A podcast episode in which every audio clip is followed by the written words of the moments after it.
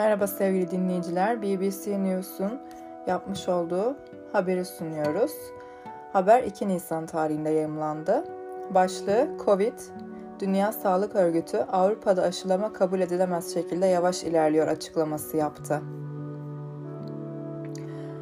Kulüge, kıtadaki son durumun birkaç aydır olduğundan çok daha endişe verici olduğunu söyledi. Avrupa'da birçok ülkede çeşitli sebeplerle aşılama kampanyasında gecikmeler yaşanıyor. Fransa ve Almanya başta olmak üzere birçok ülkede üçüncü dalga yaşanıyor. Dünya Sağlık Örgütü Avrupa Direktörü Hans Kluge Avrupa'da aşılama kabul edemez, edilemez şekilde yavaş ilerliyor diyerek hükümetleri eleştirdi.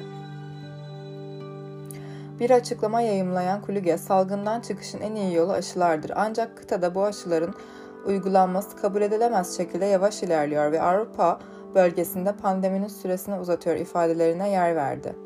Üretimi arttıracak aşılara ulaşımdaki engelleri kaldırarak ve stoktaki her bir şişeyi kullanarak bu süreci şimdi hızlandırmalıyız.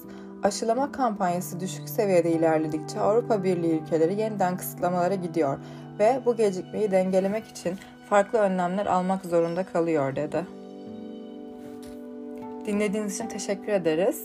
Lütfen haber kanalımızı Spotify ve Instagram'da takip etmeyi unutmayınız.